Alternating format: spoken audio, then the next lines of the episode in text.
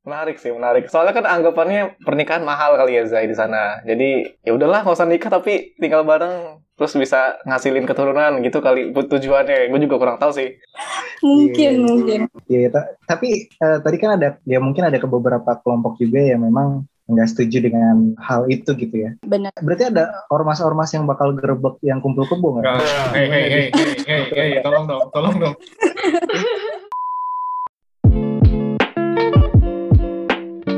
Halo Romania, kembali lagi di podcast Romansa bersama gue Zai dan juga ada ada gue Wildan. Iya, kembali lagi ya bersama dua pujangga yang pengen jadi opa nih Dan. opa, oke. Okay. Opa-opa apa nih Korea nih berarti kita? Bukan, bukan. Opanya Upin Ipin. opa, uh, opa. ya, bukan, bukan Dan. Kita mau bahas tentang budaya percintaan Korea. Oke, okay. Jadi kan sekarang udah hype banget lah Korea gitu kan dari drama-drama Korea dan segala macam orang nonton. Terus kita penasaran sebenarnya budaya percintaan Korea tuh sama nggak sih dengan yang ada di Indonesia? Gitu? Hmm. Plus kita setelah kita tahu siapa tahu aja kita dapat cewek dari Korea gitu ya Zay. Iya. iya, moga-moga. amin, amin. Tapi ayah namun cakep tuh dan. Eh, buset deh. Langsung incer artis. Iya, iya, iya. Eh, tapi ini kan kita mau bahas kebudayaan Korea nih, Zai. Ini kita berdua doang nih. Emang kita paham apa bahas Korea gini? Uh, iya juga sih ya. Nonton drama Korea juga itu nggak berarti kita paham-paham banget ya. Iya benar, modal lu kan cuma drakor doang biasanya yang gue tahu. ya udah ya udah kalau kayak gitu uh, kita langsung datengin nih teman-teman yang Korea banget lah pokoknya nih. Karena uh, dengar-dengar mereka katanya udah 50 tahun di Korea dan. Ngapain aja 50 tahun di Korea? Ini petani gingseng. Oke deh, kita langsung panggilin aja ya teman-teman kita dari Ceta Korea. Halo. Halo teman-teman Ceta Korea. Halo Kak. Hai Kak Wilda. Halo. Sama Kak Zai. Mungkin boleh kenalin dulu nih, ada siapa aja di sini? Hai, kenalin nama aku Nada dari Ceta Korea. Terus sama satu temanku nih. Oke, okay. halo. Annyeonghaseyo. Annyeonghaseyo. 네, 안녕하세요. 저는 cetak Korean에서 가르치는 선생님 구르라고 합니다. Jadi uh, aku itu tutor di cetak Korean, namaku Kure. Nah, tuh kan apa gue bilang dan mereka petani gingseng. Iya, udah pasti hebat tuh bahasa Koreanya itu.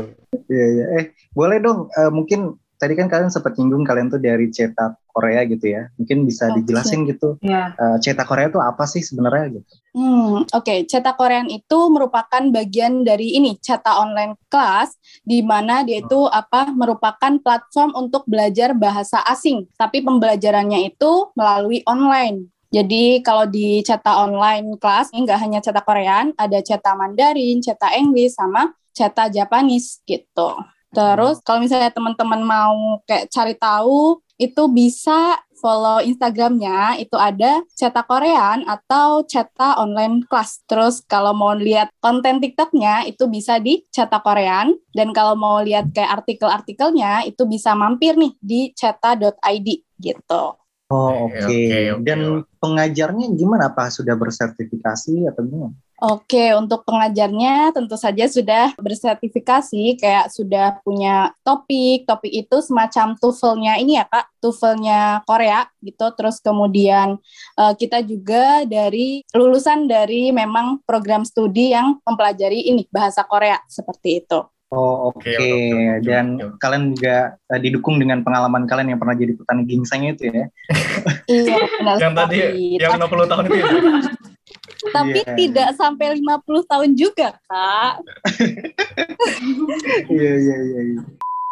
Oke, uh, jadi hari ini kita pengen bahas tadi ya kebudayaan Korea, uh, khususnya di masalah percintaan atau asmaranya gitu, guys. Tapi kita akan, akan mengajukan pernyataan atau pertanyaan yang mana ini stigma gitu. Jadi kita nanti confirm pernyataan atau pertanyaan kita ke teman-teman uh, teman-teman cetak, terus nanti teman-teman cetak jawab benar nggak sih pernyataan ini atau pertanyaannya gitu. Oke. Okay. Ya, kira-kira seperti itu. Oke, langsung aja ya kita mulai dari pernyataan pertama. Orang Korea cenderung tidak ramah karena mereka sulit membuka topik obrolan. Nah, ini ini gue dapet uh, infonya dari Instagram kalian sendiri deh. Ini bener nggak orang Korea itu seperti ini gitu? Oke, jadi uh, bisa dibilang benar sih orang Korea cenderung kurang ramah gitu ya atau susah untuk membuka topik obrolan. Ya karena di Korea itu sendiri kan budayanya itu nggak terlalu banyak. Terus mereka itu satu rumpun yang sama kan. Jadi kalau misalkan ada orang asing atau orang lain gitu yang berpapasan dengan mereka gitu, jadi mereka nggak nggak terbiasa gitu untuk berbicara sama orang asing atau orang lain gitu. Beda kan sama di Indonesia. Kalau di Indonesia kan biasanya uh, ada orang berpapasan. Walaupun nggak kenal kan minimal nunduk sambil senyum gitu kan. Nah kalau di Korea orang berpapasan ya berpapasan aja lewat-lewat aja gitu. Nggak usah senyum, nggak usah apa gitu. Jadi di Korea lebih kesannya lebih individualis memang. Berarti orang Korea tuh nggak pernah uh, apa istilahnya? Ngomong punten nggak pernah Zaidi ya? nah, kalau itu sih mungkin pernah ya kayak misalkan uh, mau nanya jalan mungkin sama orang asing. Nah mungkin untuk membuka topik obrolannya bisa kayak hamnida permisi gitu. Sebenarnya bisa sih, cuman uh, itu dalam situasi tertentu aja. Kalau lagi butuh gitu. Kalau misalkan nggak lagi butuh, misalkan kayak cuman lewat gitu, ya nggak perlu menyapa sih. Jadi kalau misalkan hmm. orang yang nggak kenal gitu, terus kita lewat, nah itu nggak perlu disapa yang kayak annyeonghaseyo gitu, karena nanti kesannya kayak awkward gitu malahan, karena kan nggak kenal gitu.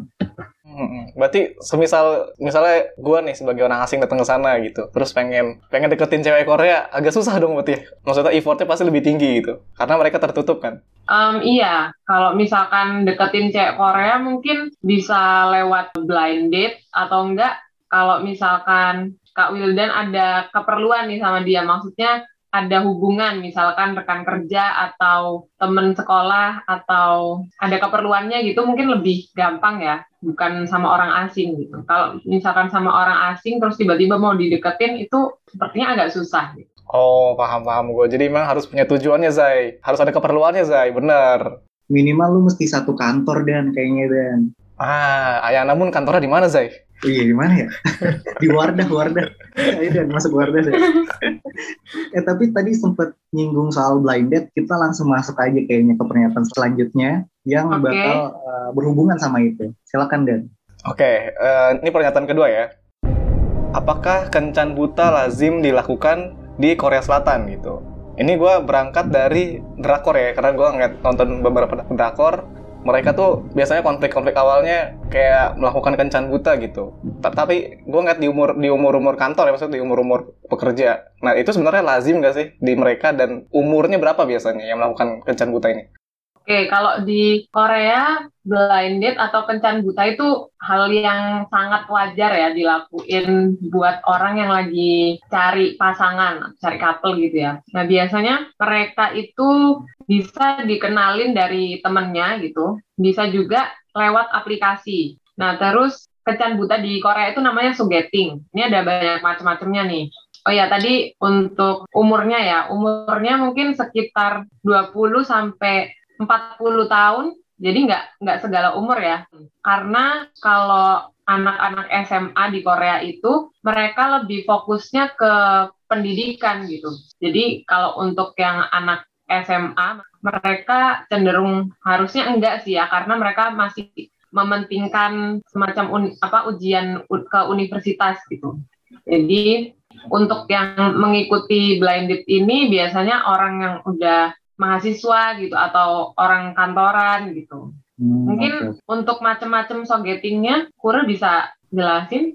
Hmm, oke. Okay. Jadi kalau di blind date di Korea itu ada beberapa macam kak. Kalau misalnya yang aku tahu ya ada beberapa macam. Yang pertama itu namanya meeting. Dia itu blind date yang dilakukan secara bergrup gitu. Jadi kayak misal cewek itu empat orang gitu. Kemudian cowoknya itu empat orang. Nanti kayak mereka bertemu dalam kayak suatu pertemuan, misal di cafe. Nah nanti kayak mereka milih nih, milih pasangan. Nah terus kemudian setelah milih nanti mereka akan jalan sendiri, akan kencan-kencan sendiri, terus nanti ya ke depannya nanti tergantung mereka. Kalau ini biasanya dilakukan sama namanya sinipseng. Sinipseng itu mahasiswa baru biasanya. Oke, terus selanjutnya itu ada yang namanya sogeting. Kalau misalnya yang sogeting, dia itu blind date yang dilakukan antar teman. Misalnya kayak uh, aku sama Nada berteman, terus kemudian nanti Nada itu pengen cari uh, kayak ya couple pacar gitu ya. Nanti melalui aku, nanti aku itu uh, memperkenalkan Nada ke teman cowokku misalnya. Terus kayak nanti kita ketemuan, terus nanti ya tergantung Nada sama teman cowokku gitu.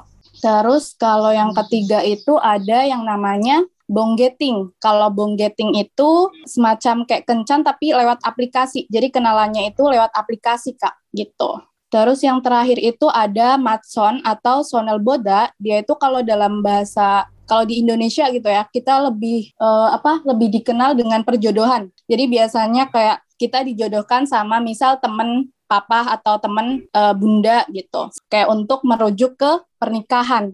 Oh macoblang nggak cuman dari aplikasi aja ya bisa dari perjodohan terus jadi tem apa dari teman kayak macam-macam banyak macamnya ini kayak kayak iya. berarti lazim banget ya di Korea ya? Nek masum nih ya benar sekali kak dijawab pakai bahasa Korea ya lu masum tidak anjay iya iya Oke, berarti sebenarnya tadi ya kencan buta tuh banyak ya ada.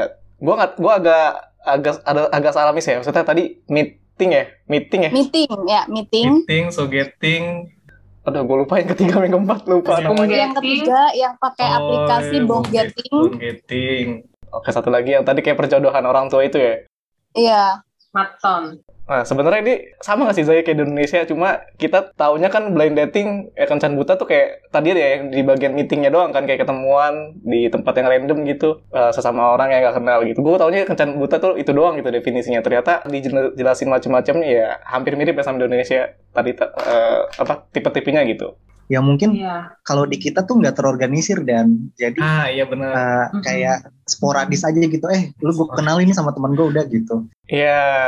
Nggak semacam yang kayak tadi tuh kalau di Korea tuh yang gue lihat melalui drakor juga gitu. Kayak misalkan mereka tuh udah kayak terorganisir gitu loh. Misalkan kita udah rencanain, eh nanti kita rencanain ini blind date ya. Nanti gue bawa dua teman, dua ini bla bla bla segala macem. Terus kita ketemu. Nah hmm. kalau di kita kan ya paling kalau misalkan lagi nongkrong bareng-bareng terus nanti ada ada teman ceweknya datang gitu gitu kan. Tidak terencana lah gitu. Ah iya iya itu namanya meeting saya itu tadi. Oke oke kita lanjut kali ya ke next pernyataan. Silakan Den. Oke, ini uh, ini sifatnya pertanyaan.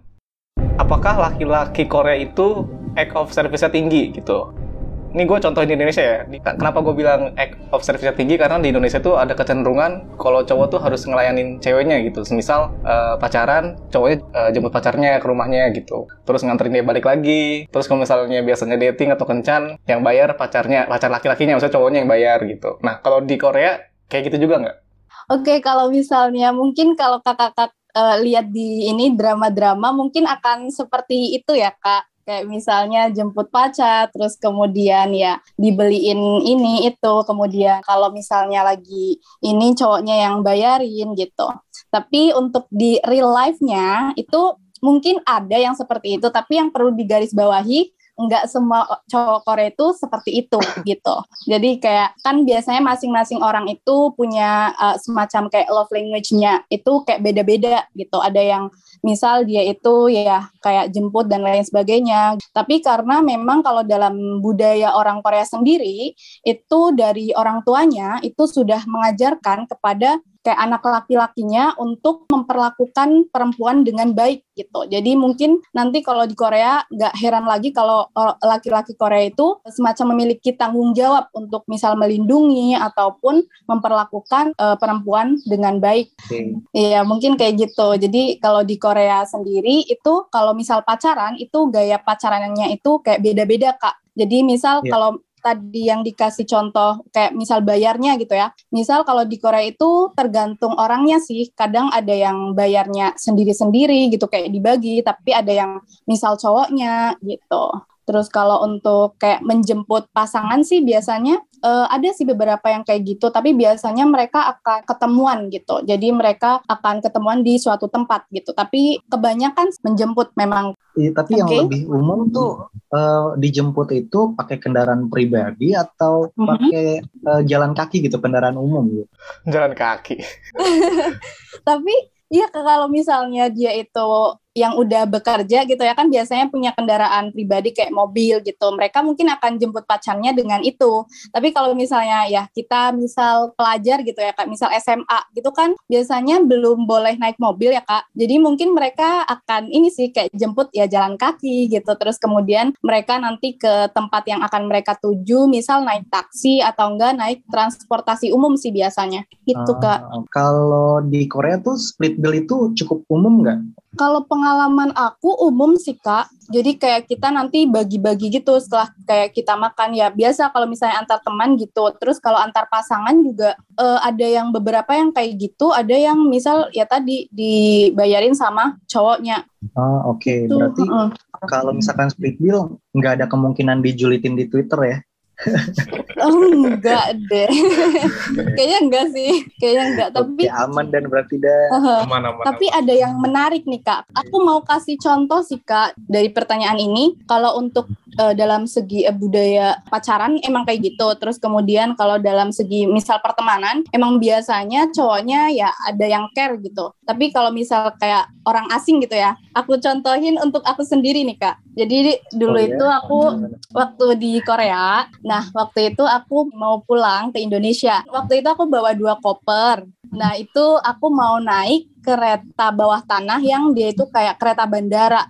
Waktu itu kebetulan eh, mau turunnya itu pakai tangga. Jadi kan agak riweh ya Kak bawa dua koper. Terus eh, waktu itu ada ini kayak cowok Korea yang lihat mungkin kayak ngeliat kok riweh ya. Jadi kayak mereka itu eh dia itu nawarin untuk ngebawain kopernya. Padahal kayak aku oh kinsana yo gitu, oh nggak apa-apa gitu. Terus tapi kayak ya udah dibawain aja. Tapi kayak aku bilang ini satu aja gitu. Tapi dia bilang enggak dua-duanya aja gitu. Terus akhirnya ya udah dibawa tuh koper dua-duanya sampai bawah. Gitu sih kak. Jadi eh, oke sih untuk bagian itu. Oh, Ya, aku kira tuh pengalaman pengalaman kamu pacaran sama orang Korea ya. waduh, waduh.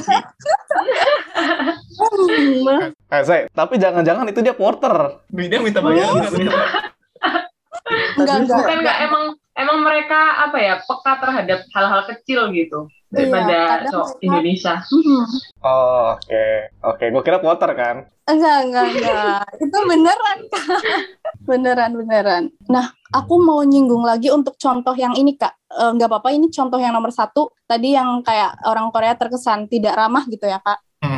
Ya. Jadi, eh, mungkin aku kasih contoh. Jadi waktu itu, waktu aku masih di Korea, terus kayak eh, sebenarnya memang sih kayak mereka kelihatannya kayak individualis dan tidak ramah gitu ya. Tapi kalau misal kayak kita udah komunikasi atau kita nanya sesuatu, mereka itu kayak akan jawab dengan maksimal gitu. Misal waktu itu aku nanya tentang eh, lokasi kayak kelas, kemudian lokasi tentang tempat kayak pasar dan lain sebagainya. Waktu itu aku udah nyari itu tapi kayak udah muter-muter tapi nggak ketemu. Jadi akhirnya aku nanya ini ke ada eh, kemudian yang aku tanya itu rata-rata cowok ya. Nah, aku tanya terus kemudian ya udah eh, ini kira-kira di mana ya? Kayak Igo dia yo gitu. Kayak ini di mana? Terus dijawab, "Oh, ini di sini." gitu.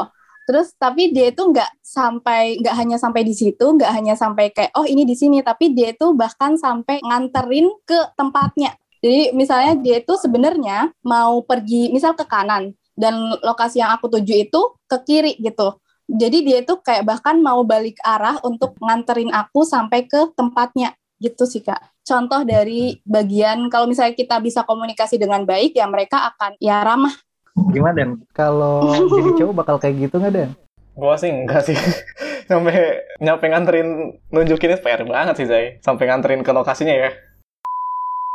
Oh, oke. Ba- Ini kita langsung lanjut aja kali ya ke pernyataan selanjutnya.